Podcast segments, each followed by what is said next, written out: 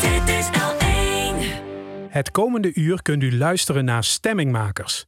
Een serie lange interviews met markante en spraakmakende Limburgers.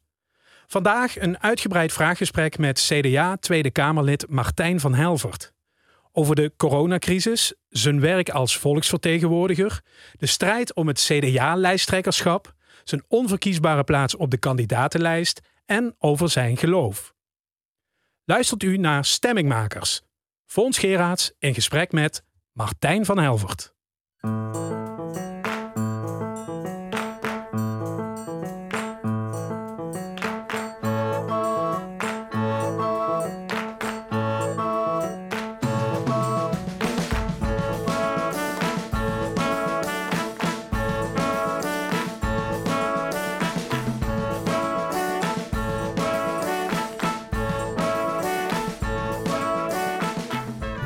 Zich ben ik positief. Maar ik zie wel om me heen dat heel veel mensen het echt wel moeilijk hebben door eh, de situatie van corona. Ik woon in de binnenstad van Sittard. En er zijn heel veel ondernemers eh, die een hele lage omzet hebben dit jaar. Ik zie horecaondernemers die maanden verplicht dicht moesten zijn. En ik zie steeds meer mensen om me heen die of ziek zijn geweest, of mensen in de familie hebben die ziek zijn of overleden. En dat maakt, dus ja, dat legt toch wel een grijze deken over het geheel. Maar ik moet zelf zeggen, ben ik heel positief in. We zijn allemaal gezond gebleven bij ons thuis. Eh, en daar zijn we heel dankbaar voor. Was u toen in het kerstreces? Nou, ik vond het wel fijn om, eh, eh, om even thuis te zijn. Want ik had een aantal opdrachten nog die lagen vanuit het zomerreces die niet waren uitgevoerd. Er moest wat schilderwerk gebeuren bij ons thuis in de woonkamer. Eh, en daar is het kerst, ik was, was het kerstreces wel echt voor nodig. En dat heb ik ook netjes gedaan. Ja. Maar toch moest u dinsdag weer even op en neer naar Den Haag voor het zoveelste coronadebat. Ja, dat wel, ja. Dat is, eh, maar goed, eh, ik zeg altijd, de belastingbetaler gunt ons altijd een heel lang reces. Dus ik vind het ook niet erg als tussendoor wel een keer gegaan moet worden. Ja, maar waarom moest u daarbij zijn? Want u bent geen woordvoerder op dat dossier. Nee, ik ben geen woordvoerder, maar het kan zo zijn dat er om een hoofdelijke stemming gevraagd wordt. Zeker bij een coronadebat, omdat de emoties daar hoog oplopen vaak. Eh, en dan moet wel iedereen aanwezig zijn om, eh, om te stemmen. Want Dus u zit gewoon in uw werkkamer Ja. te werken Ja, dan en af en toe naar de televisie te kijken. Ja, de dag van tevoren hebben we een fractievergadering en dan, eh, dan discussiëren we over de inhoud. Kan ik ook mijn input geven wat ik van belang vind. En dan maakt de fractievoorzitter dan een inbreng van. En dan op de dag zelf zit ik op mijn werkkamer, zet ik daar de tv aan. En eh, dan zie ik ook op tv wat gebeurt. Ja, en tussendoor elf uur lang vergaderd, hè? Absoluut, ja. Ja, ja dat is eh, heel erg lang. Ja. En het, ik moet zeggen, het, eh, ik, ik, aan de ene kant vind ik het heel mooi dat het Nederlandse parlement zo betrokken is. Dat is in andere landen echt wel anders. Aan de andere kant zie ik wel dat geen enkel coronadebat heeft geleid tot een wijziging in beleid. Dus op, soms denk je ook wel eens, waar zijn we eigenlijk mee bezig? Veel stoom afblazen, maar het verandert verder aan zich heel weinig. Eh, ja, het verandert, eh, de- ja, dat klopt. niks. Er verandert eigenlijk niks aan het beleid. Maar hoe moeten we dit virus bezien? Is dit een eh, corrigerende tik van de schepper? Worden we afgestraft voor onze hoogmoed? Nou, nee, dat, dat- ik, ik, ik, ik denk dat dit eh, eh, is wat, wat vaker gebeurt. Virussen komen op. Hè. We zijn met eh, best veel mensen op sommige plekken in de wereld en daar ontstaan wel eens virussen. En eh, dat, ik ben eh, docent geschiedenis geweest, ik ben historicus en ik weet dat op meerdere plekken in de geschiedenis op een gegeven moment virussen zich voordoen. En nou, ik denk dat dat vooral een, dat dat wetenschappelijk en biologisch goed te verklaren is. En dat we dus daar ook op die manier aan moeten werken. Ja, dat dat weer zit, weggaat. u zit dit, dit niet, deze pandemie, als een soort wake-up call. Zijn we niet bezig om onze planeet te verwoesten? Nee, dat, dat, nou, dat, dat is, kijk, nee, dat is niet het geval. Want virussen hadden we ook al, eh, al eeuwen geleden. Ehm, eh, kijk, het is wel een wake-up call in die zin dat je wel weer eens even met de neus op de feiten gedrukt wordt. Wat is daadwerkelijk belangrijk in het leven? Dat, dat wel. Dus dat je echt denkt van, goh, waar word je nou op teruggeworpen? Dat je, eh, ook in die eerste lockdown, dat wij hier thuis, dan ben je altijd met z'n vijven. En het hondje. En eh, je ontbijt ineens elke keer samen. Je eet middag samen. En eh, je eh, bent eh, s s'avonds samen met het eten. eh, en dan denk je, ja, kijk, dit is toch eh, eigenlijk... het- dit is toch de kern waar je in een crisis op terugvalt. Dat is je eigen gezin. Dat, was ook weer mooi. Over, laat ik zeggen, over intermenselijke zaken. Ja, maar dat is meer zo'n is, dit geen goed moment voor bezinning? Ja, zeker. Op, op consumentisme, op globalisering, Ja, maar dat- op individualisering, dat- trendmeesterschap, hè, zegt Ja. het CDA. Maar dat, dat bedoel ik, in die zin vind ik het wel een call van wat is nou werkelijk belangrijk. En, eh, want, want wij zijn thuis ook, we, we wonen aan de markt. Hoe vaak gingen wij niet op de markt eh, lekker wat drinken, eh, wat eten? En, het, als het moet, kan het dus zonder. Dat, in die zin is het wel een week opgehaald. Wil ik het zonder? Nee, helemaal niet. hè. Ik, ik sprak eh, van de eigenaar van de stad Sittard nog vorige week. Ik zeg, ja, ik heb toch maar met kerst... eh, wat, Dat is een café. een café, een café de stad. Nou, ik zeg, ik heb met kerst toch maar eh, zelf een fles wijn gekocht. Want ik moet natuurlijk wel de- zorgen dat ik het ook nog lust als straks de cafés ooit weer een keer open mogen. Dus je wil niet zonder, maar het kan dus wel zonder als het moet. En ook al dat kopen, ja, nou die nieuwe spijkerbroek, ik ga hem niet bestellen. Ik wacht wel tot de winkel open zijn. Maar eigenlijk had ik hem al lang gekocht als, het, als de winkels open waren geweest. Dus het is wel eh, in die zin wel, wel, wel ja, het consumentisme, dat, daar, voor daarvoor is wel een wake-up Ja. call. Maar heeft die coronacrisis bij u nu geleid tot introspectie? Of, of niet?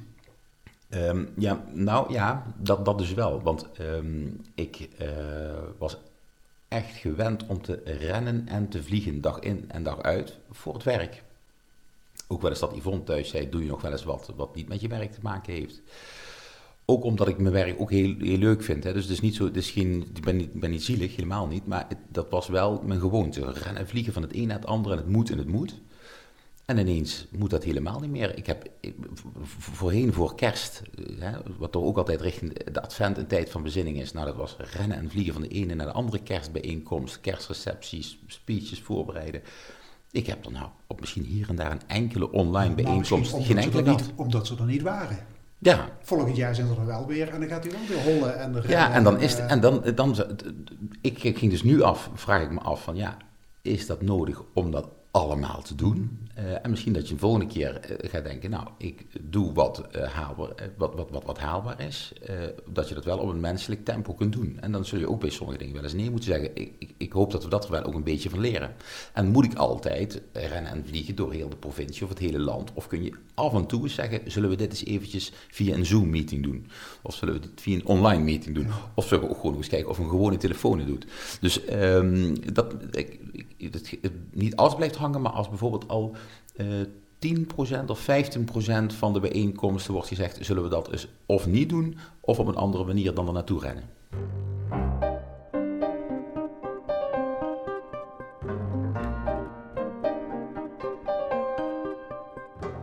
Martijn van Helvert is zes jaar Tweede Kamerlid voor het CDA.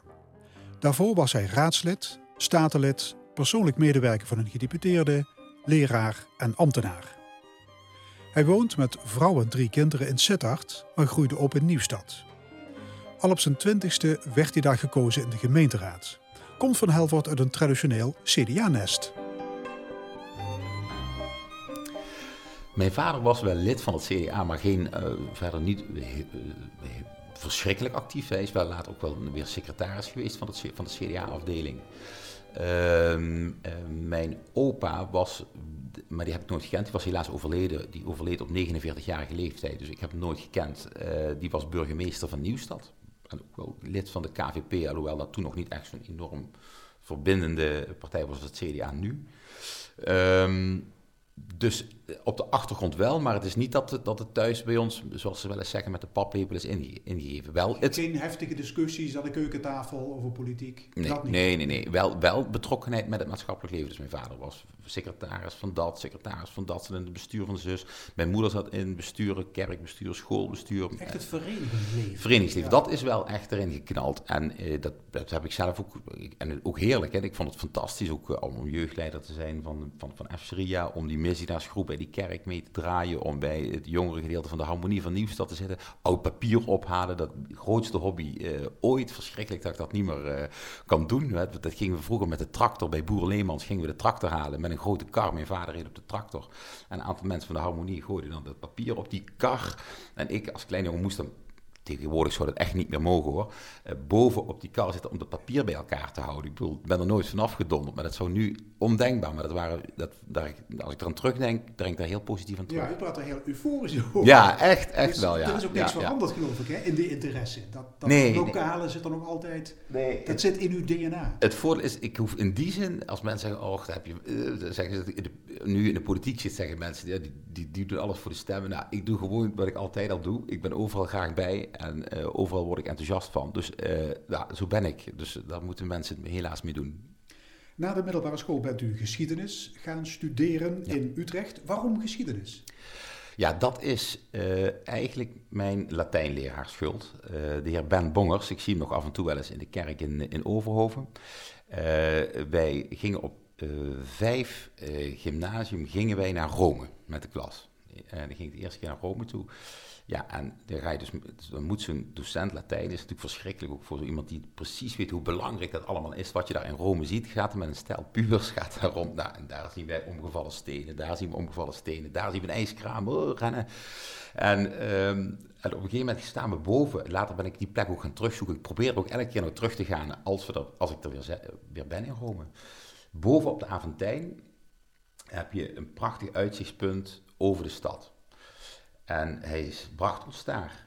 En, eh, en ja, wij dus weer kletsen en over van alles en nog wat hadden we het, maar niet over eh, het oude Rome. En op een gegeven moment zei hij, jongens en meisjes, geniet nu! Wij kregen een bevel om te genieten. En ergens dacht ik even van, wow, en ik keek. Ja, wow, dat is wel heel mooi. En eh, vanaf dat moment ging ik dus eigenlijk wat meer luisteren naar wat hij allemaal zei daar. En ik vond het zo vet. En toen dacht ik eigenlijk, hier wil ik meer mee doen. Dus vanaf dat moment ben ik me eigenlijk ook pas gaan inzetten voor de taal Latijn. En, en zeker ook voor het culturele wat er omheen zat. En eh, toen heb ik eigenlijk gelijk gezegd, dit wil ik gaan studeren. Toen dacht ik wel heel even, wat kan ik worden met, met een studie als geschiedenis? Eh dat wordt niks. Dus toen heb ik me eh, per ongeluk laten verleiden om toch nog een jaar sociale geografie te doen. Maar ik wist lopende dat jaar, nee, had ik nooit moeten doen. Dan ben ik geschiedenis gaan doen. Ja. Daarna bent u nog een tijdje geschiedenisdocent geweest. Ja. Hoe ging het leraarschap u af? Ja, dat vond ik top. Vond ik echt heel mooi. En ik had het ook nooit willen missen. Ik raad het ook iedereen aan om een aantal jaren te doen. Of doe eens één jaar. Want degene die het meest leert, is de leraar voor de klas. Want je krijgt constant van 30 kids feedback op alles wat je doet. Hoe je praat. Meneer, waarom praat je zo snel? Meneer, waarom schreeuw je zo hard? Meneer, ik kan u niet verstaan. Meneer, heeft u nieuwe sokken? Meneer, ik kan niet lezen wat u schrijft. Meneer, u heeft nog niet duidelijk gezegd wat het huiswerk was. Waar gaat die proefwerkstof nou over? Dat had u al lang uit moeten leggen. Dus je krijgt constant feedback. ja. wat je maar u, u leert ervan, maar anderen zullen zeggen, je wordt er helemaal gek van. Ja, nou ja, dat ook. wel. Ik bedoel, een groep leerlingen kan inderdaad heel, ehm, kan soms best wel, eh, eh, kan, kan soms lastig zijn, maar elk individu is wel toch eigenlijk ergens wel heel erg lief. Dus een, eh, een probleem in de klas probeerde ik altijd naar het individu waar het begon terug te draaien. Dus, eh, dus, dus, ehm, maar ja, dat- maar, maar ik snap wel dat mensen het wel ook heel erg lastig vinden. Dus dat zie je nu ook, dat nu leerlingen thuis moeten blijven dat ouders wel eh, weer meer respect krijgen voor het leraarschap. Want het is op zich wel, eh, het is wel een, een, een kunst. Essentieel beroep. Ja, absoluut. absoluut. Eh, maar uw grote ambitie was om beroepspoliticus te worden. En dat gebeurde na twee jaar wachtkamer op eh, 12 november 2014, de dag van uw installatie als lid van de Tweede Kamer. Staat die datum in uw geheugen gebeiteld? Eh, de, datum op zich niet. De, dat was inderdaad 12 november. Ehm, eh, ik weet, dat was inderdaad na, de 11 van de 11e. Ehm, eh, de datum niet zozeer, maar wel de activiteit. Want dat was heel mooi. Want het was natuurlijk heel jammer dat ik er toen niet in kwam. Maar heb ik echt hier thuis, want we gingen echt voor. Ik stond op plek 13, fantastische plek. En we kregen ook nog 13 zetels. Ik haalde ook eigenlijk best veel stemmen, net niet de vorige, maar toch in vergelijking met de rest van de lijst veel stemmen. En toen kwam Omtzigt daar vanaf plek 44, bam, knalde mij daar eruit. Nou, en dat was, dat was echt, eh, nou, ik was al op weg naar Den Haag, weet je wel, echt een heel triest, zielig verhaal eigenlijk. Ik was al op weg naar Den Haag en kreeg in de trein te horen even een helftje zit er toch niet in. Snap, dat, dat soort, nou, dat, was, dat vonden we wel heel erg jammer hier thuis. Achteraf toen we twee jaar later was Guus ook eh, een klein beetje ouder onder onze jongste. Dus misschien ja. heeft het wel zo moeten zijn. Eh, twee jaar later was die installatie niet met alle 150 tegelijk, maar was, werd er maar eentje geïnstalleerd en dat was ik. Nou, en ik had echt een hele bus van familie meegenomen. Ja, je had ook- 35 mensen meegenomen. Hè? ja, en dat waren ze ook. Familie, vrienden, bekenden. En dat is geloof ik niet gebruikelijk. Nee, nee, nee. Nee, je mag eigenlijk normaal eh, twee of drie mensen meenemen. En, eh, maar ik zeg, ja, maar die heb, mensen hebben, al die vrijwilligers hebben zo lang moeten wachten. De familie heeft moeten wachten. Allemaal geholpen in die campagne. We gaan ze gewoon allemaal meenemen. En het was een fantastische dag. Laatst zag ik de foto ook nog eens eventjes. Eh, zie mijn vader ook, hij is nou overleden, trots opstaan. Van, oh kijk eens, nou, dat, dat vind ik, dat, Ja, dat en staat wel. kruipend over de vloer van de, Ja, van de Tweede dat- oh, Kamer. ja. Echt, ja. ja, dat was kleine Guus. Ja. Die, die kroop toen eh, inderdaad over die trappen. Dat prachtige foto ook eh, in, in, in de krant. En, Elvert, heel voelt, mooi. U dit, voelt u dit ambt als een roeping? Is een...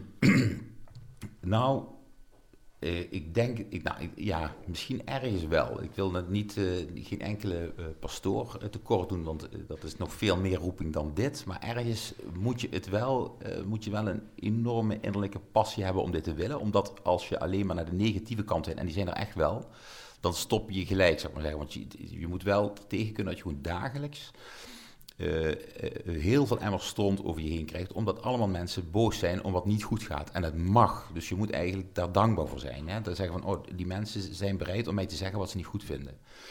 Eh, maar als je daarop, als je dat als persoonlijk ervaart en denkt, goh, wat ben ik slecht, ja, dan ben je binnen een week klaar.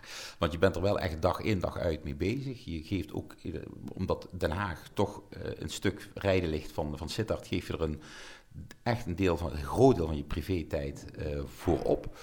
Is ons met meerdere beroepen zo, hè? dus het is ook geen klaagzang, maar het is alleen wel eh, dat opgeteld, die negatieve feedback, heel veel. In vergelijking met de enorme tijd en spanning die erin stopt, is wel, eh, daar moet je echt wel in, in, innerlijk gedreven voor zijn. U bent woordvoerder Defensie en Buitenlandse Zaken. Dat is geen kleine portefeuille. Nee, klopt. Is, ik heb, daar ben ik ook wel heel dankbaar voor. Ik heb echt een hele mooie grote portefeuille gekregen. Eh, buitenlandse zaken, mensenrechten, defensie en Limburgse zaken zeg ik er wel ook altijd bij. Daar ben ik ook de woordvoerder van. Ehm, en inmiddels ook, ook, ook kermissen. eh, nou, dat soort dat, dat circussen, dat zit er ook nog bij. Dus dat vind ik echt heel fijn, omdat ik... eh, ja, ik, ik kwam natuurlijk vanuit Limburg, vanuit Provinciale Staten. Daar was ik de fractievoorzitter en coalitieleider. Daar ging je over alles. En ineens ging ik naar de Tweede Kamer, wat ik natuurlijk fantastisch vond. Maar toen begon ik als woordvoerder infrastructuur in de oppositie. Dus je, gaat over veel minder. En je hebt er eigenlijk ook nog in de oppositie ja, het meeste geld. Als je binnenkomt na twee jaar, het meeste geld is gewoon verdeeld. Dus je hebt ehm, minder te zeggen. Dus dat was heel even wennen voor mij. Dat je niet meer zoveel ja, invloed hebt op wat er gebeurt. Later, nu zitten we weer in die coalitie.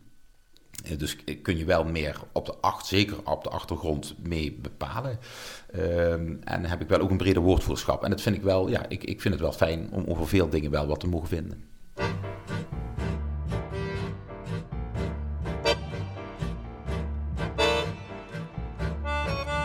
Martijn van Helvert heeft zich vastgebeten in de zogenoemde NLI-affaire. De steun die het kabinet gaf aan de rebellengroepen tijdens de burgeroorlog in Syrië. Geen wapens, maar wel hulpgoederen zoals voertuigen, uniformen en laptops. Onderzoeksjournalisten van Trouwe Nieuwsuur hebben onthuld dat een aantal van die rebellengroepen samenwerkten met Al-Qaeda en andere jihadisten. Heeft onze regering dus drie jaar lang in Syrië terreur gefaciliteerd? CDA-Kamerlid van Helvert. Ja, een deel, ja, met wellicht vast goede bedoelingen. En er is ook vast goed werk mee gebeurd, maar er is ook niet goed werk mee gebeurd. En waarom is het zo kwaad? Je kunt nog zeggen, ja, in een oorlog gaan dingen mis. Dat kun je ook nog zeggen. Nou, daar is ook nog wat voor te zeggen, want je kunt niet alles in een oorlog voorspellen. Ook niet als je eh, niet non-lethal assistance eh, geeft. Maar als je weet dat van tevoren de Verenigde Naties van tevoren hebben gezegd: beste mensen, we komen binnen de Veiligheidsraad niet tot een vergelijk wat we moeten doen. Laten we in ieder geval afspreken dat we geen losse groeperingen gaan steunen. Want anders verlengen we de ellende alleen maar daar. Als ieder land een andere rebellengroep steun gaat geven, dan worden al die rebellengroepen sterker. En die vechten alleen maar langer tegen elkaar. En wie is daar de dupe van? De burgerbevolking. En toch heeft Nederland ervoor gekozen dat toen te doen. Ja, sinds 2018 dringt de Tweede Kamer aan op een onafhankelijk onderzoek. Het Ja. kabinet wil dat niet. Waarom niet?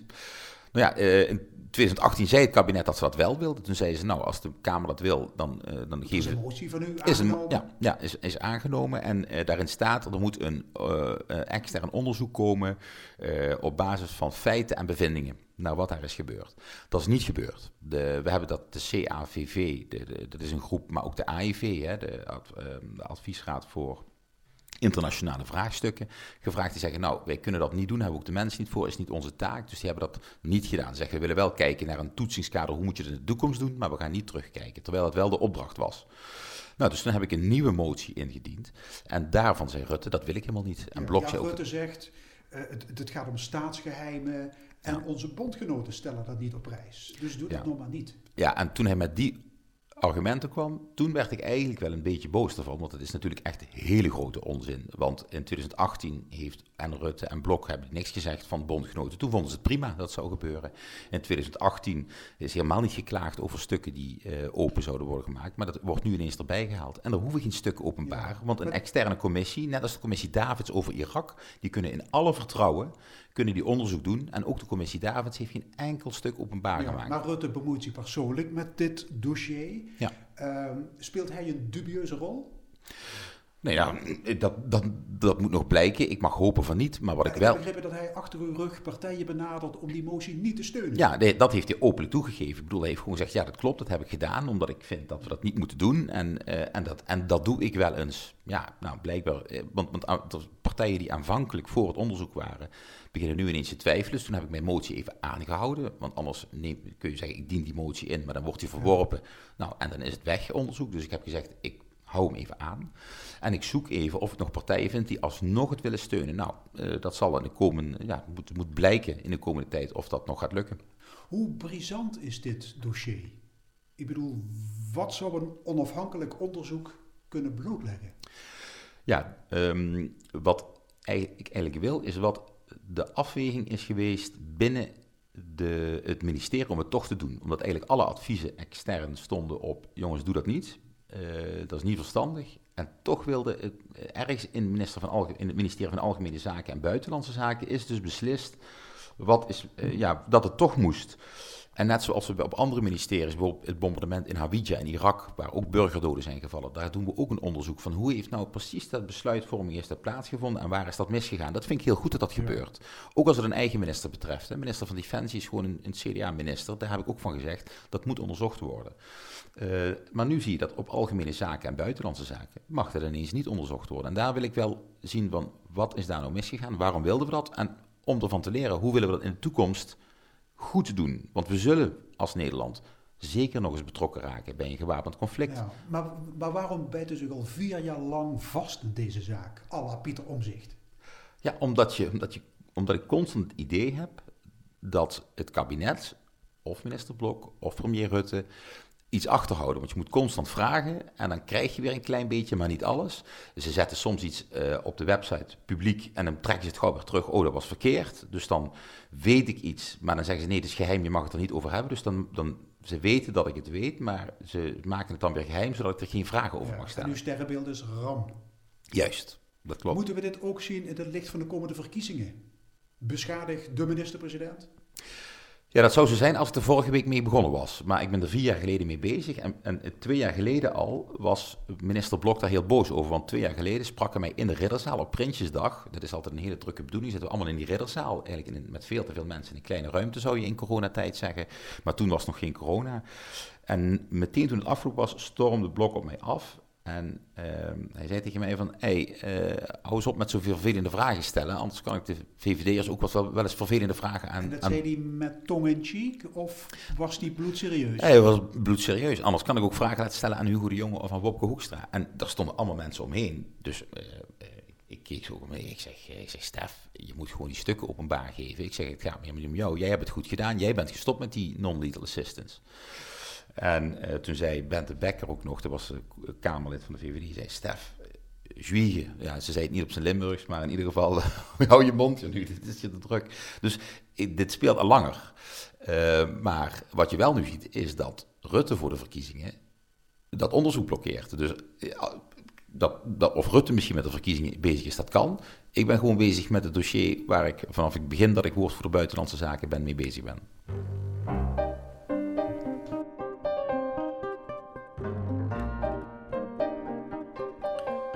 Tot ieders verrassing mengde Uber-positivo Martijn van Helvert zich afgelopen zomer in de strijd om het partijleiderschap van het CDA. Maar al na vier dagen trok hij zich terug. In oktober kreeg je wederom een bittere pil te slikken. De buitenlandspecialist werd op een vrijwel onverkiesbare 26e plaats op de kandidatenlijst gezet. Hoe hard kwam die boodschap aan? Nou, ik baalde daar wel gigantisch van. Echt, toen ze me, daar word je dus gebeld op zo'n avond. Eh, en ik moet eerst zeggen, ik ging er een beetje van uit dat ik de tweede Limburger op de lijst zou zijn. En Remo Knops, eerste Limburger, die staat bij de eerste tien. Ik tweede Limburger bij de tweede tien. Dus ik dacht, nou, dat kan 11 zijn, dat kan 19 zijn. Ik hoop op iets van 15. Nou, en, en dan bellen ze en dan zeggen ze, u krijgt plek 26. Toen was het nog 26. Eh, ik zeg 26. Ik zeg, ik wist niet dat we zoveel plekken op de lijst hadden. Ik zeg, wat is dit? Ja, ja, ik snap dat je moet het niet. We krijg je dan op dat je moet het niet persoonlijk nemen. Ik zeg, nee. En ik zeg, hoe dan? Ik zeg, ehm, eh, want eh, ik, ik heb ook altijd, je hebt van tussendoor van die gesprekken, eerst met Buma, later met maar ook met de voorzitter. Nou, gaat allemaal goed, we zijn tevreden, blij, fijn. Ik kreeg nog een extra woordvoerderschap erbij, Defensie. Dus ik zei hier thuis, zei ik jongens, ik heb Defensie erbij, gaat goed. Dus ik moet wel wat vaker, ook al op maandag weg, ik moet ook wel eens vaker op vrijdag blijven. En ineens, nummer eh, ze- 26. Ik denk, ik, Dus u had van tevoren geen signalen ontvangen van Helvert, dit zou wel eens... Nee, nee zo, dat, dat gaat ook wel. Dat is altijd. Het is ook een heel lastige toestand. Dat geef ik ook wel weer gelijk mee. Een lijst samenstellen bij het CDA is natuurlijk verschrikkelijk. Veel lastiger dan denk ik bij andere partijen, omdat verschillende zaken een rol spelen. Natuurlijk, je hebt de man-vrouw verhouding. Er moesten meer vrouwen op de lijst. Maar in het CDA, meer dan in andere plekken, is de geografische spreiding van veel groter belang. Wij willen dat alle eh, provincies eh, goed worden ehm, eh, ja, voorzien. Dus daarom heb je die eerste tien in Limburger, tweede tien in Limburger, derde tien in Limburg. Nou, en daar had je ook nog, en we willen ook iemand met een multiculturele achtergrond. Nou, kreeg je dat ook. Laat nou net zijn dat Mustafa Amhous, zeer gewaardeerde collega uit Limburg, een multiculturele achtergrond heeft. Dus is die door het bestuur gezet, dan doen we die naar boven. En dat wil zeggen dat je gelijk, dat ik dan gelijk van de tweede tien naar de derde tien schuif. Nou, dat, dan, dan krijg je dat. dat Ja, is, dan krijg je zo'n telefoontje. En toen was u helemaal verpopzakt. nou, ik heb toen wel gevraagd. Ik zeg, ja, ik zeg, wat is dit voor signaal? Vinden, vinden jullie dat ik moet stoppen? Ik zeg, vind, nee, nee, we zijn heel tevreden. Ik zeg, nou, nou, nou, heel tevreden. Ik zeg, dan stond ik niet op, eh, nee, zo moet je het niet zien. En, nou, later begreep ik ook dat de gedachte wel is, nou, Van Helvert had de vorige keer de voorkeur, dus die komt er sowieso komt wel in. sowieso dus eigenlijk, je aantal stemmen werkt nu tegen je. Dat je denkt van, nou, als we iemand lager kunnen zetten, is het Van Helvert, want die komt er toch in. Wat echt geen vanzelfsprekendheid is, want het is niet zo dat je zegt, ik had de vorige keer 19.000 stemmen, ik begin bij 19.000. Nee, je begint er bij nul. Die eerste stem, ik moet Yvonne weer vragen. Yvonne, lieve schat, wil jij op mij stemmen? En dan zit ik bij, heb ik één stem. Dus eh, ik denk dat, ja, tegenvallen. Ik moet wel zeggen, zei Yvonne thuis ook, maar ook heel veel vrijwilligers en leden die zeiden van, kom op Van Helvert. Ehm, en zei zeker Yvonne, die zei, of jij nou op plek 5 stond, op 15, 25 of 85, jij zou toch voor die voorkeur gaan. Maar, maar er zijn Kamerleden die de eer dan aan zichzelf houden. Die Ja, zeggen, dat- schrap ja. mijn naam maar van de lijst, ik doe niet meer mee, zoek maar iemand anders. Ja. Heeft u dat overwogen?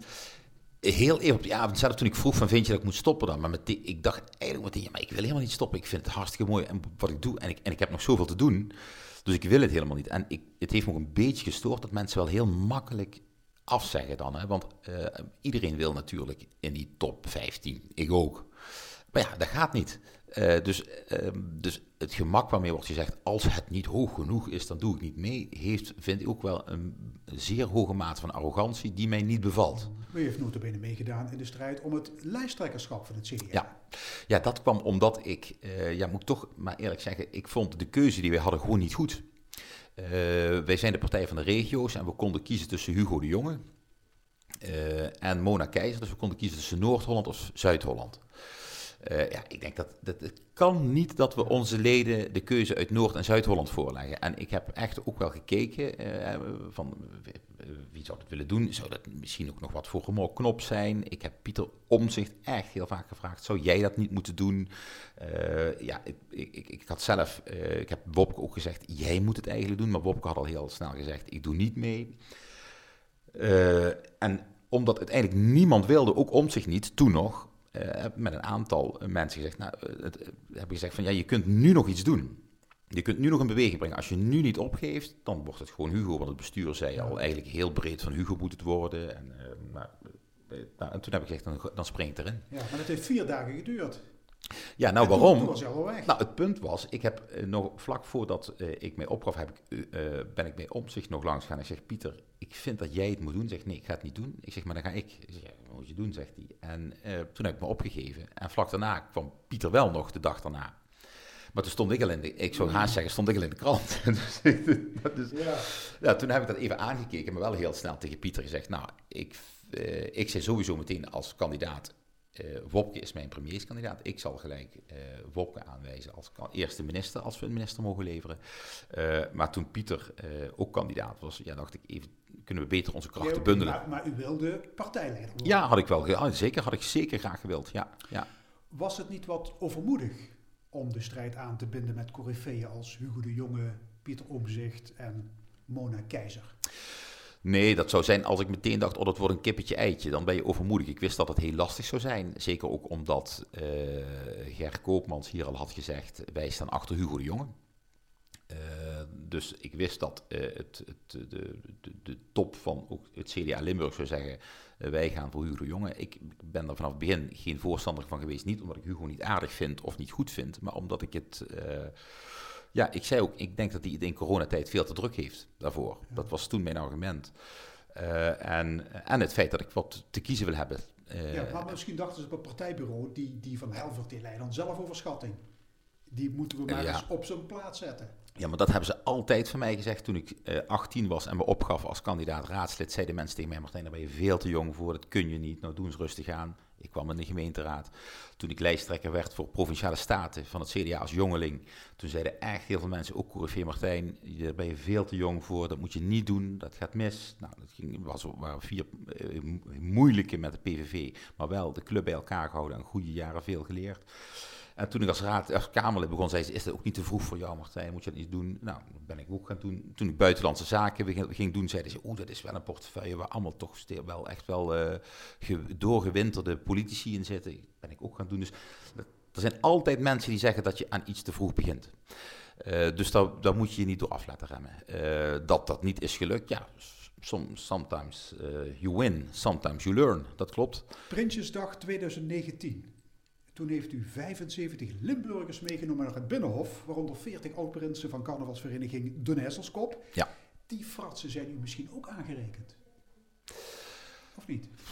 Ja, nee, dat geloof ik niet. Ze vinden het wel. eh, ehm, nee, dat, dat kan me niet voorstellen. Want uiteindelijk vinden ze het stiekem ook wel weer leuk. Het geeft ook wel weer kleur aan eh, de, ja, aan de hele grijze massa die daar in Jacket bij elkaar zit. Inclusief mezelf, zeg ik dan even. Ehm, Maar nee. u was vanmiddags niet bij de plenaire vergadering toen de miljoenennota werd aangeboden. Toen Eh, zat u accordeon te spelen voor die... Nee, die toen, 75 op dat- toen dat gebeurde, inderdaad, ja, dat, dat we, dat- bij die officiële gelegenheid had ik natuurlijk moeten zijn. Het punt was, ik had Remo Knops gevraagd om eh, als minister even de groep toe te spreken. En die kwam ook precies op dat moment, kon hij. Dus ik moest toen kiezen van, oh jee, eh, ga ik nou officieel in de bankjes zitten klappen? Hè, want, wa- want dan verander ik niks, of ik mag ook niks inbrengen. Of ga ik nu, nu Knops eindelijk kan, zeggen, eh, jongens, eh, en hier is Knops. En toen heb ik daarvoor gekozen. Nou goed, soms vinden mensen dat, nou, Ja, mensen kunnen er boos voor worden. enige in, in jacket naar Prinsjesdag. Ja. Eh, bij de herdenking van Market Garden sprong u uit een parachute. Ja. U heeft energie gestoken in een circusolifant. Ja. Is het niet te veel show? Ja, dat zeggen de mensen, maar dat zijn de mensen die niet weten wat we allemaal doen. Kijk, ik- bijvoorbeeld zo'n circusolifant. Hè. Ik, ik las ook eh, het artikel bijvoorbeeld van Frans Pollux, die zegt, oh, Van Helvert houdt zich bezig met een circusolifant. Waarom ging, ik naar die, waarom ging ik naar die familie? Waarom ging ik naar die familie? Omdat ik heel veel voor ondernemers die in problemen zaten heb gekeken om SBI-codes erbij te doen. Ik heb me, eh, nog steeds zet ik me in voor grensondernemers die niet geholpen worden door dit kabinet.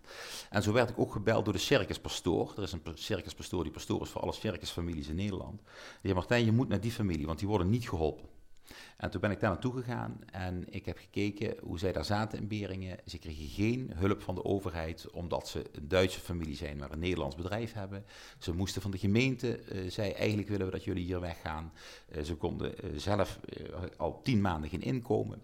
Ik zeg, ik ga kijken wat ik voor jullie kan doen. Ik ga bellen met de Kamer van Koophandel, ik ga bellen met de gemeente. Ik ga bellen kijken of we toch grensondernemerssteun moeten hebben. En daarvoor was ik daar. Ja. Maar nee, maar goed, maar afgezien Maar, van... maar, nee, maar, maar, ik wil, maar, maar wat ik wil zeggen, maar dus het, het heeft altijd een reden. En, ehm, en op dat moment, wat, daarvoor kwam ik. En toen zei de familie, we hebben trouwens ook nog een olifant. Nou goed, en die olifant, ja, dat is voor iedereen een punt. En daar, ja, dat wil iedereen lezen en zien. En dan lijkt het alsof ik alleen maar met die olifant maar u bezig ben. een potje entertainment niet uit de weg. Nee, maar Is- ik laat is- wel zien wat dat- ik doe. Ja, Is dat uw zuidelijke inborst? ja dat is misschien wel... Niet te zwaar nemen, humor, relativering. Ja, relativeren wel, dat, dat wel. Ja. En, maar wel ook eh, mensen laten, dus, dus wel ook wel aandacht geven aan een punt van door het hele Boeba-verhaal, door die olifant, eh, kwam wel de discussie van die grensondernemers en dat het schandalig was, kwam wel weer opnieuw in de Kamer, weer opnieuw schriftelijke vragen van verschillende partijen. Door het uit de parachute springen van operatie Market Garden kwam weer een heleboel aandacht in heel veel lokale blaadjes, ook in Limburg, voor die bevrijding. Eh, terwijl dat juist, terwijl al die bijeenkomsten niet door konden gaan. Dus je, je, ja, als, als volksvertegenwoordiger moet je ook af en toe wel eventjes aan een bel trekken, zodat iedereen denkt, oh, wat is hier aan de hand? Wat betekent Limburg voor u? Ja, dat is, dat is de, de provincie waar ik me echt, echt mee verbonden voel. Eh, niet gebonden, want ik ga ook wel eens graag uit Limburg. Maar ik vind het ook altijd mooi om terug te komen. En ik vind ook dat we hier eh, ja, toch een hele mooie eenheid in verscheidenheid hebben. Want eh, de, de, de, het is echt niet zo dat de Limburger bestaat. Hè. Zoals Maxima ook ooit zei, de Nederlander bestaat. Bestaat die eigenlijk wel. Het is ook niet zo dat de Limburger bestaat. Als je, maar dat we ergens ons meer dan in andere provincies eh, verbonden voelen met elkaar. Omdat we constant in, door de eeuwen heen misschien wel een andere nationaliteit hebben gehad. En nooit eigenlijk echt ergens heel lang hebben bijgehoord. Dat we daar, ons daarom wel Limburg, dat vind ik wel heel erg mooi. Eenheid in verscheidenheid. ja. Uitspraak van koningin Wilhelmina, volgens mij. hè? Ja, want we mogen ook wel weer, op- want, want soms zeggen ze ook wel eens, ja, wat vind je het Koningshuis? Ja, als je de geschiedenis gaat kijken, ja, dan moeten we eigenlijk niks hebben met die Oranjes, want die Oranjes hebben hier gewoon verschrikkelijk goed huis gehouden. In het, ik bedoel, als je de inname van Roermond gaat lezen, nou, daar word je echt niet eh, eh, koningslievend van, of dan ga je echt niet meer van de koning houden als je dat leest. De familie van Oranje, dat waren toch een stelletje beest als het eh, daarom gaat. We komen te praten over zijn geloof. Martijn van Helvert is praktiserend katholiek. Hij was misdienaar en tot aan zijn huwelijk acoliet. Op het binnenhof maakte hij van een vergaderkamer een gebedsruimte en plaatste een twee meter hoog Mariabeeld. Ik vroeg hem wat hij precies gelooft. Ja, ik geloof dat, ehm, dat, eh, dat, dat, dat God bestaat en dat hij, dat, dus, dat hij dus ook wel de, de kracht geeft aan het leven. Dus dat er dus ook altijd wel ehm, ja, iets sterks boven ons is wat, eh, wat, wat ons een, een, een, eigenlijk dankbaar moet maken voor wat we hebben hier. En ik, ik moet zeggen, ik was, zoals ik zei, altijd eerst heel erg lokaal gericht. Was ook als acoliet. De kerk was gewoon de kerk in Nieuwstad, Heilige Johannes de Doper, de kerk waar ik eh, ge- gedoopt was, de communie Vormsel. Maar ik had verder niks met, of met het bisdom, of laat staan met de wereldkerk, of, of, de paus. Dat, was allemaal, eh, dat was de kerk in Nieuwstad. Totdat ik eh, naar de Wereldjongerendagen ging in Rome. En toen zag ik, want in de kerk in Nieuwstad was ik natuurlijk de enige, ongeveer, ongeveer de enige jongere. Maar in, in Rome daar, daar kwamen meer dan een miljoen jongeren bij elkaar. En toen dacht ik van, oh, ik dacht, nou, als ik gek ben, dan ben ik het niet alleen. Eh, misschien ben ik wel niet gek, snap je? Dus, eh, en dat, toen voelde ik me ineens wel toch wel ook verbonden met die wereldkerk. En ja, dat, dat, vind ik wel heel is, mooi. is de katholieke leer het reksnoer van uw parlementaire werk? Ehm, het is, nou, hoe noemen we dat? Het, is een hele mooie basis van waaruit je constant denkt. Eh, en wat je wel ziet is dat de sociale leer, die dus destijds eigenlijk, eh, die ook steeds wordt aangepast, en deze paus heeft daar ook weer Laudato Si aan toegevoegd. Eh, en nu ook wij broeders. Ehm, dus dat wordt, is eigenlijk een levendig document, dat dat wel nog steeds heel actueel is. Als je het hebt over de waardigheid van, eh, van de mensen. En dat kom je nu ook eh, terug nou weer in die coronacrisis, waar je toch ziet van, eh, dat elk individu gewoon van waarde is. Hè? Want we denken wel eens, we zijn een grote maatschappij en je bent maar slechts een nummer. Totdat op een gegeven moment in zo'n pandemie mensen daaruit trekt. En dan kun je wel zeggen, oh, we hebben dadelijk 20.000 doden meer in Nederland dan afgelopen jaar. Maar dat zijn 20.000 keer een moeder die ergens uit een familie, of een oma die uit een familie is getrokken, een vader die uit, of een broer of een neef. En dat vind ik, eh, dus het is wel weer heel actueel. Ik las een interview met u in De Sleutel, het Ja. blad van het Bisdom Roermond. En Ja. daarin zegt u, de Bijbel zegt niks over de verbreding van de A2 bij Weert. Ja, nee, ja dat klopt. Ik heb dat eens nagekeken, maar er staat niks in eh, daarover. Nou, dat komt eigenlijk omdat mensen zeggen, oh, je bent ehm, eh, katholiek, oh, dus, dan, dus, dan, eh, dus dat is, eh, dan hoef je zelfs niet na te denken. Ja, dat is natuurlijk onzin. Hè? Onze lieve Heer heeft ons het eigen verstand en de eigen wil meegegeven. En dat, dat moet je, dus, je moet dus wel blijven nadenken. En eh, je kunt dus zeggen van, de, kijk om naar je naaste, maar eh, je moet wel goed je werk doen. Of zoals Monsignor Kastelmans vroeger wel eens zei, eh, je, kunt, je, je zorgen moet je loslaten, maar het werk dat je moet doen, moet je wel doen. Of believe in God, but lock your car. Dat zijn eigenlijk allemaal, je moet wel realistisch blijven op dat punt. Heeft u wel eens een mystieke ervaring gehad? Nee, dat, nee, ik denk dat het, mijn geloof daarvoor nog niet groot genoeg is. Daar kan ik nog wel in groeien, denk ik. Nee, ik heb wel, eh, nee, dan moet ik, eh, nee, ik kan niet zeggen dat ik een eh, keer een, verschijning heb gehad. Misschien wel vaak eens gewenst van, god, geef me nou eens een heel actief teken. Ik moet zeggen, wat ik wel mooi vond, is dat ik toen, ehm, ehm, toen mijn vader bijna ging overlijden, vroeg ik hem van, ben je, ben je bang voor de dood? En, eh, en mijn vader was ook gelovig, maar ook wel heel praktisch gelovig, zou ik maar zeggen. Dus niet, het is geen, geen ja, gewoon, gewoon secretaris van het kerkkoor, dat was mijn vader. En ehm, hij zei, nee, ik ben niet bang, zegt hij. Ik ben niet bang, er is wel iets. Ik weet niet hoe het eruit ziet, zegt hij, maar, maar er is wel iets. Ik ben er niet bang voor. En eh, nou, dat, eh, dat is het niveau waar ik, waar ik ook een beetje dus zit, zou ik maar zeggen. Ja, wat zegt Wopke Hoekstra daarover? Eh, die zweeft, zegt hij zelf, tussen geloof, ongeloof en twijfel. Ja, ja, Mooi gezegd, hè? prachtig. En wie Heeft niet? u last van twijfel? Ja, ja, al constant, tuurlijk. Dat is ook, eh, dat, ja, zeker. Je, want je, je, je weet het natuurlijk, uiteindelijk weet je het niet. Het is uiteindelijk geloof en geen wetenschap. En zelfs bij wetenschap weet je het soms niet. Maar ehm, ja, dat is, dat, en twijfelen is ook wel af en toe weer heel gezond. Dus eh, dat moeten we ook vooral blijven doen. Mensen die het zeggen altijd precies te weten, eh, dat, dat, is, dat wordt soms gevaarlijk. Ik vond dat de koning dat heel mooi zei in de, wat was het, de kersttoespraak. Die zei, eh, zijn we soms niet moe dat je altijd ergens meteen wat van wat moet vinden? Is overigens mijn beroep om ergens wel iets van te vinden. Maar wat nou, zei de koning, als, als je het eens even niet weet? En ik vond het mooi dat hij weer in Nederland ook wat ruimte heeft geschapen voor de mensen die zeggen, ik weet het even niet. Misschien moet er eens een Nederlandse versie komen van The Crown.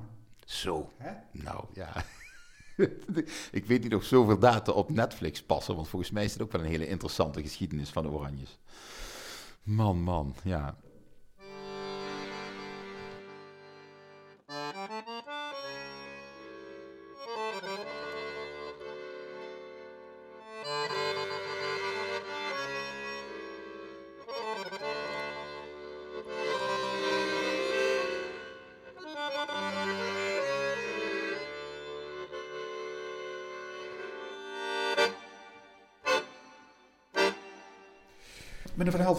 Elke maandagmorgen houdt u spreekuur. eh, Hier vlakbij, hè, in een Ja. hotel in, in Sittard. Ja. Waarom doet u dat?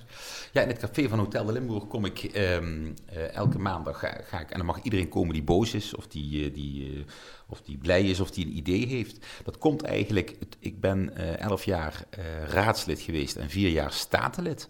En dat doe je altijd bij je werk. Dus daar heb je eigenlijk altijd eh, tijd tekort. Want je zou eigenlijk, het liefste zou ik, zou ook elke dag met, met mensen spreken van wat, wat, wat is je zorg, wat, wat kunnen we samen doen.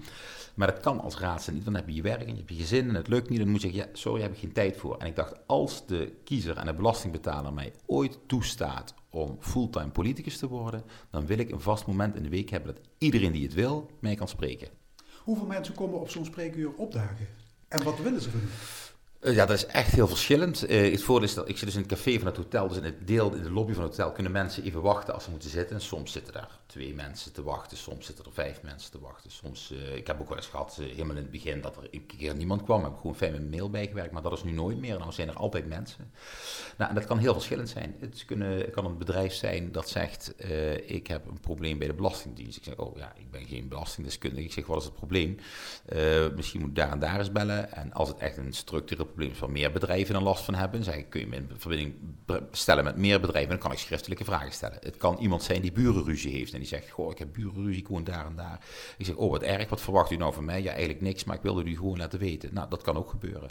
Het kan ook iemand zijn die zegt van, ik vind dat minister De Jonge dit en dit moet doen. Wil die dat aan hem meegeven? Nou, nou dat kan heel breed. Eh, eh, vaak ook, ik zit met een WMO-uitkeuring in de gemeente. Zeg ik, ja, daar ga ik niet over. Ik kan u wel het eh, e-mailadres van de wethouder Ja, geven daarover maar gaat. bent toch volksvertegenwoordiger en geen, geen ombudsman? Eh, nee, maar ik doe wel hier en daar wat ombudswerk, omdat de burger, denk ik, eh, eh, de overheid als een heel groot orgaan ziet. En het, het meest erge vind ik als een burger steeds wordt doorverwezen en eh, dus nooit ergens eh, echt terecht kan. Uiteindelijk ben ik van, zou je kunnen zeggen, de overheid als volksvertegenwoordiger, een schakel tussen de burger en de overheid. En eh, kan dus wel zeggen van nou, als je daar een mailtje naar stuurt en mij in de CC zet, dan kan ik eh, volgen Ja, of, maar, of maar- je maar goed veel komt. mensen die zeggen, van, ja, dit is een vorm van cliëntelisme. Gunst te verlenen in ruil voor een stem bij de verkiezingen. Nee, ja, cliëntelisme is als je zegt, eh, eh, ik regel dit voor jou Voor en dan stem je wat. Nou, ik zeg altijd, ik kan nooit wat regelen. Ik ben maar één van de 150 Kamerleden. Als ik iets wil, moet ik minstens nog 75 mensen vinden die dat ook vinden. Dus ik kan niks regelen. Eh, dat is zo, sowieso het geval. Wat ik wel kan kijken is, wat kunnen we samen doen om te zorgen dat u misschien een stapje verder komt, zodat u uw probleem kunt oplossen of uw kans kunt pakken. Ja, ik vind dat heerlijk om te doen. En eh, daar komen mensen ook vaak naar het spreken en zeggen, ja, ik, ik, ik, ben, ik, stem wel, eh, ik stem wel GroenLinks, maar eh, eh, ik zeg, ja, maar ik, heb, ik maak me niet uit wat u stemt. Mijn vraag is, wat gaan we samen doen? Dat vind ik eh, meer belangrijk, want, want als ik alleen maar wil babbelen met mensen die op mij stemmen, ehm, ja, dan wordt het wel heel, heel, heel smal, zou ik maar zeggen. Wat is uw grootste ergernis? De grootste ergernis, nou ja, de grootste ergernis vind ik als, als het, als het als ik, ik, ik spreek veel mensen die bijvoorbeeld boos zijn of ontevreden, maar als ik op geen enkele manier bij mensen het, het een iets van algemeen belang dienen kan vinden. Dat vind ik wel heel lastig. Dus als mensen nergens een begrip hebben dat ook zij iets moeten bijdragen, dat vind ik wel heel moeilijk. Dan denk ik van, hé, hey, waarom ben jij nou hier op aarde? Echt alleen voor de eigen toko? Dus gepatenteerde knoterere. oh, dat is een prachtig woord. Ja, dat is wel. eh, ja, dus als, als mensen dus in niks hebben met van, ah, dus antwoorden als dat is jouw probleem. Of dat is niet mijn probleem. Of dat is, eh, nou, weet je, dat, dat eh, of wat, wat, wat heb ik daarmee te maken dat, eh, de, de, ik weet niet, dat, eh, dat de overheid meer belasting moet betalen. We hebben altijd. eh, ben je onderdeel van iets. Of je het wil of niet, je zult altijd, ben je een onderdeel van, eh, van een groep. En natuurlijk mag je daar, heb je daar heel veel vrijheid in in Nederland. Maar zoals ik dat, ik ben kort tijd dus ook docent geweest bij maatschappijleer. En toen zei ik, ja, wat is nou de vrijheid? Ik zeg, weet wel, dat de vrijheid die we in Nederland hebben, die wordt beperkt door de vrijheid van de ander. En als je dat niet wilt begrijpen, ja, dat, dat vind ik soms wel lastig. Ik, ik probeer dat aan de leerlingen uit te leggen. Op school mag je je fiets in het fietsrek zetten waar je wil. Je hebt de vrijheid om die fiets te plaatsen waar je wil. Behalve op de plek waar iemand anders die vrijheid al genomen heeft. Als iemand anders zijn fiets al op die plek gezet heeft, dan is jouw vrijheid beperkt omdat die er al staat. En zo geldt dat. dus- En, en daar zullen we wel rekening mee moeten houden. En als je dat op geen enkele manier erkent, dan, kan ik, dat, dan, moet, ik, dan moet ik meer mijn best doen om niet geïrriteerd te raken. Tot slot, uw haiku. Mijn haiku, daar komt hij. Kijk om naar elkaar, juist in pittige tijden. Dat is wat ons bindt.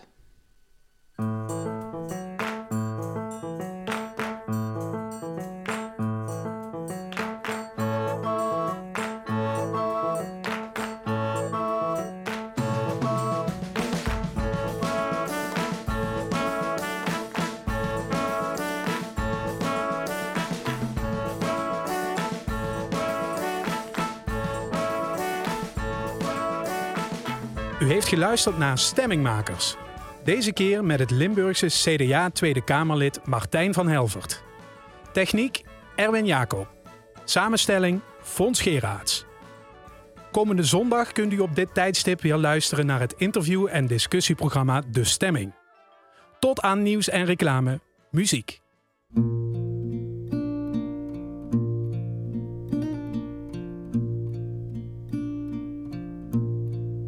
If I fall short, if I don't make the grade, if your expectations aren't met in me today, there's always tomorrow or tomorrow night hanging there, baby sooner or later, I know I'll get it right. Please don't give up on me. Oh, please don't give up on me. I know it's late,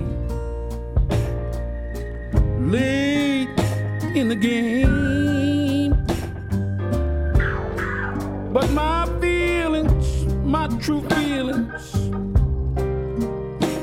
change.